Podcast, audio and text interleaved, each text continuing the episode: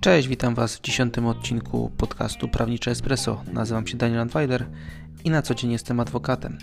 W tym podcaście mówię krótko o tym, co można zrobić, jak ma się już karę, grzywnę, e, ograniczenie wolności, czy też pozbawienie wolności. Także zapraszam Cię na Prawnicze Espresso. Dzisiaj będzie o wstrzymaniu wykonania kary. Zaczynamy.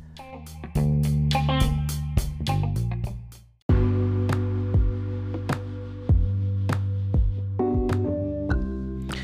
Wstrzymanie wykonania kary to moim zdaniem najważniejsza instytucja prawa karnego wykonawczego. Bez tej instytucji tak naprawdę pozostałe e, nie istnieją, a właściwie to odwrotnie, pozostałe nie istnieją bez e, wstrzymania e, wykonania kary. Jeżeli chodzi o wstrzymanie wykonania kary, nie możesz złożyć takiego wniosku samemu. Jest to wniosek akcesoryjny, jak się to mówi po prawniczemu, po prostu dodatkowy do wniosku o odroczenie, o przerwę, o dozór elektroniczny. Gdzie taki wniosek y, należy złożyć? Wniosek o wstrzymanie wykonania kary należy złożyć do sądu, który wykonuje Twoją karę. Zazwyczaj jest to sąd e, rejonowy, czasem sąd okręgowy, w zależności od tego, który Cię e, skazał.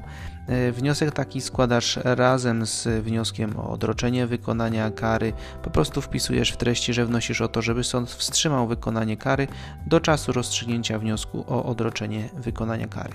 W przypadku, gdy składasz o dozór elektroniczny, taki wniosek nie składasz do sądu okręgowego Wydziału Penitencjarnego, który rozstrzyga Twój wniosek o dozór elektroniczny, ale taki wniosek o wstrzymanie wykonania kary składasz do sądu, który Cię skazał, a który wezwał Cię lub może Cię wezwać do odbycia tej kary w zakładzie karnym. Wniosek o wstrzymanie wykonania kary w sytuacji dozoru e, najlepiej złożyć w ten sposób, że e, składasz najpierw wniosek o dozór elektroniczny, następnie kopię tego wniosku wraz z prezentatą złożenia go w sądzie okręgowym składasz do sądu e, który wykonuje Twoją karę. W tym przypadku, w większości przypadków jest to sąd rejonowy argumentując, że złożyłeś właśnie wniosek o dozór elektroniczny i z tego powodu e, sąd powinien wstrzymać e, wykonanie kary do czasu rozstrzygnięcia e, wniosku o dozór elektroniczny. Sam wniosek y, rozpoznawany przez sąd jest y, dość szybko. Sąd wydaje postanowienie o tym, czy wstrzymuje, czy też nie wstrzymuje wykonania kary.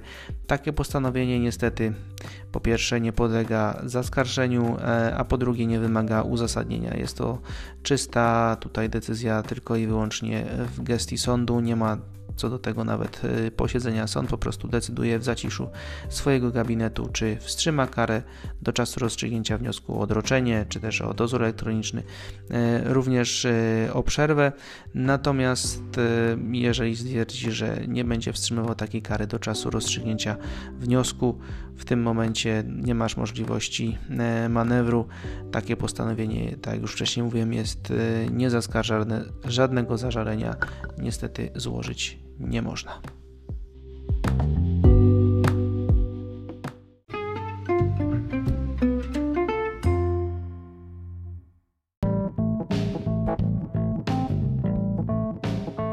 Na dzisiaj to już koniec. Jeżeli podobał Ci się ten podcast, e, zasubskrybuj go, powiedz znajomym, posłuchaj kolejnych e, odcinków, e, posłuchaj też odcinków poprzednich.